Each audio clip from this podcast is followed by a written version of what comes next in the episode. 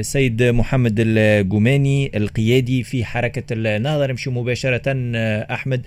معنا القيادي في حركة النهضة محمد الجوماني صباح النور. أهلا وسهلا بك أهلا وسهلا. صباح الخير لك ولكافة مستمعات ومستمعي إكسبريس إف شكرا على تفاعلك معنا. فيما يخص البلاغ الإعلامي اللي خرج البارح عن رئيس الحركة اللي يقرر إعفاء المكتب التنفيذي. ويعتزم تشكيل مكتب جديد. بلاغ يجي باش يعكس شوية الحالة اللي عايشتها الحركة على امتداد الأسابيع الأخيرة. فما شكون يراه كأنه سحب بساط من المعارضين لراشد الغنوشي في حركة النهضة. سي محمد الجوماني اولا ما حصل في تونس بعد 25 جويليا كان زلزالا سياسيا مس في الحقيقة الحياة العامة بكل جوانبها وخاصة الأحزاب. نشوفوا مش فقط في حركة النهضة في سائر الأحزاب ثم خلافات واحيانا حتى إرباك وانقسامات إلى آخره.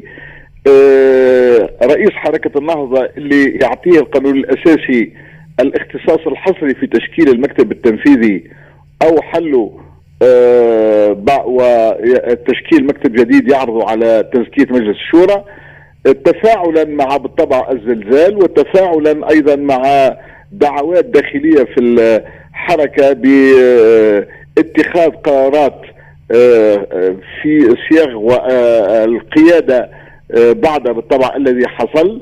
وهذا ما تم أعلن في 12 أوت عندما شكل لجنة لإدارة الأزمة أنه سيدخل تحويرات على القيادة بما يتماشى مع المرحلة الجديدة وأيضا يستجيب جزئيا ربما لحتى غضب الناس. هذا ما فعله حين أقال كافة أعضاء المكتب التنفيذي وأعطاهم بالطبع الاستمرار في مهامهم حتى يتشكل مكتب جديد. أعتقد أنه سيكون سريعا. ثم جانب آخر أيضا أن المكتب الحالي فيه أكثر من 30 عضو تشكل في إطار توافق لحل مشاكل داخلية. الآن الظرفية تغيرت والزمن صار سريعا سواء في علاقة بالأزمة المركبة في البلاد أو بالاستحثاث للوصول إلى المؤتمر في النهضه يحتاج إلى مكتب أكثر نجم نقول فاعلية وجدوى وهذا يتطلب التقليص في العدد واعتقد أن هذا ما سيتجه إليه رئيس الحركة. به رئيس الحركة اللي أكد في البلاغ الإعلامي اللي خرج البارح مواصلة تكليف لجنة إدارة الأزمة السياسية برئاسة محمد الجوماني سيادتك دونك في من أجل المساهمة في إخراج البلاد من الوضع الاستثنائي اللي تعيشه. أنتر البارح خرج قرار التمديد في في, في الإجراءات الاستثنائية. مواصلة تجميد البرلمان مواصلة سحب الحصانة من النواب إلى أجل غير مسمى. هي الكلمة إلى حد إشعار آخر. كيفاش تتفاعلوا في حركة النهضة مع القرارات هذه؟ بيان أو بلاغ حركة النهضة أكد على استمرار لجنة إدارة الأزمة السياسية في مهامها لأنه ربما حتى لا يفهم بأن إقالة عضو المكتب التنفيذي تعني انتهاء اللجنة. اذا هو أكد رئيس الحركة على أن رئاسة اللجنة وتركيبتها مستمرة في مهمتها من أجل البحث على حلول للأزمة السياسية خاصة في علاقة بالطبع بمركز السلطة في قرطاج وبالمنتظم السياسي حتى تستأنف البلاد دورتها العادية لأن الفصل 80 اللي اعتمده السيد الجمهورية في القرارات الرئاسية والإجراءات الاستثنائية يقول منها عودة السير العادي لواجب الدولة في أسرع الأجال. البارح في الساعة صفر نجم نقوله من بدء الشهر الثاني السيد رئيس الجمهورية أعلن التمديد في تعليق البرلمان والإبقاء على رفع الحصانة على النواب. هذا في ظاهره إجراء يدل على الالتزام الشكلي على الاقل بالدستور لأنه الفصل ينص على شهر قابل للتمديد. وهذا يطمن من جهة أن الرئيس ما زال يعمل في إطار الدستور لكنه في نفس الوقت يحيل على اولا كما قلت أنت إشعار آخر غير مدقق ثاني شيء يبقي الرئيس على التأويل وعلى ضبط الأمور كما يراها في حين أن الفصل يعطي لرئيس مجلس النواب ولعدد من النواب حق المطالبة بإيقاف الإجراءات الاستثنائية بالطبع إلى محكمة دستورية هي الآن غير موجودة. ثم البلاغ بتاع الرئيس البارح يقول أن الرئيس يتوجه ببيان للشعب. وحين نرجع إلى السطر الأخير من فصل 80 يقول بانه الرئيس يوجه بيان إلى الشعب في إنهاء الفترة الاستثنائية. هل هذا المقصود؟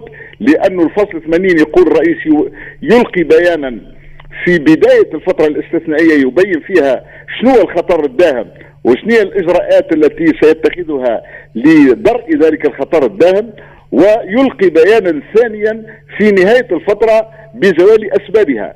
هل سينهي الرئيس الفترة الاستثنائية في الإشعار الثاني الذي تحدث عليه أم سيستمر أكثر من ذلك؟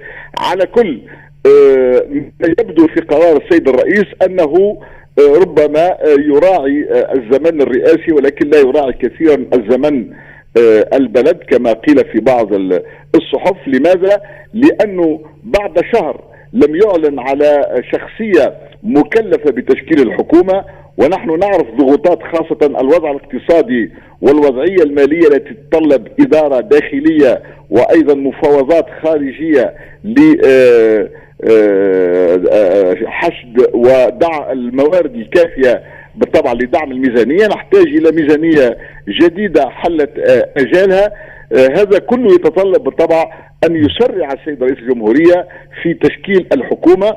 والأصل أن البرلمان يستأنف نشاطه حتى في دورة استثنائية لكي يزكي تلك الحكومة ويعطيها شرعية أقوى في الداخل وفي الخارج. ننتظر بيان السيد رئيس الجمهورية ولكن في كل الأحوال نعتقد بأن الإجراءات الاستثنائية هي اسمها استثنائية تحتاج إلى أن تتوقف في أسرع الاجال كما يقول فصل 80 وأن تستأنف البلاد مسارها الديمقراطي المعطل بالطبع مستفيدة من الماضي ومستفيدة من الإجراءات الاستثنائية. باش نرجع لحركة النهضة والبلاغ الإعلامي اللي يعفي أعضاء المكتب التنفيذي أي تأثير للإعفاء هذايا على المؤتمر القادم لحركة النهضة؟ ما عندوش ربما تأثير سلبي بالعكس يجب يكون تأثير إيجابي لأنه الآن المؤتمر مقرر كما هو معلوم في نهاية العام ولكن الآن هنالك طلب داخلي بتقديم المؤتمر الخلافات وأيضا التقييمات والحاجة إلى المراجعة العميقة كما قالت بيانات الحركة والوقوف على الأخطاء والاعتذار عليها وتحميل المسؤوليات.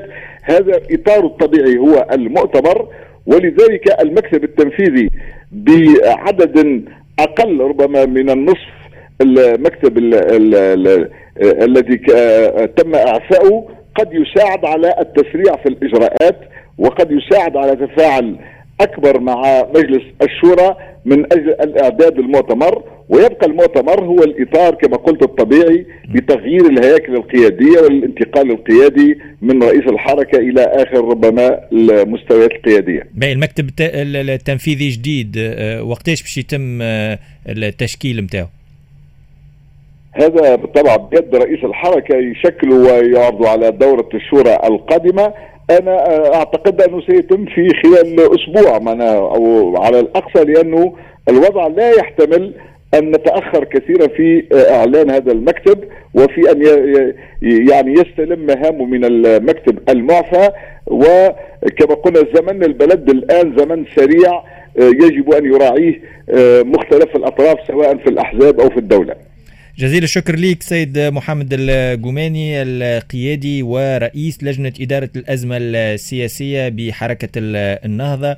هكا نكونوا آه، رجعنا لأهم مسار على امتداد ال 24 ساعة الأخيرة وخاصة التطورات اللي صارت في أواخر الليلة الفارطة الساعة الصفر كما كنتوا آه، تسمعوا وبلاغ رئاسه الجمهورية كذلك البيان الإعلامي لحركة النهضة. هذا الكل تلقاوه en podcast تلقاوه كذلك بالفيديو. جزيل الشكر الوئام زقولي كانت معنا في الإخراج على ال digital أحمد بالخوجه على ال console في الإخراج أسامة الحكيري في الإعداد وليد برحومه قدام الميكرو باش خلي المكان السهيله الصمعي على رأس الساعة. ومن بعد زهير بالعربي في Carrière نهاركم طيب الناس الكل في الأمان.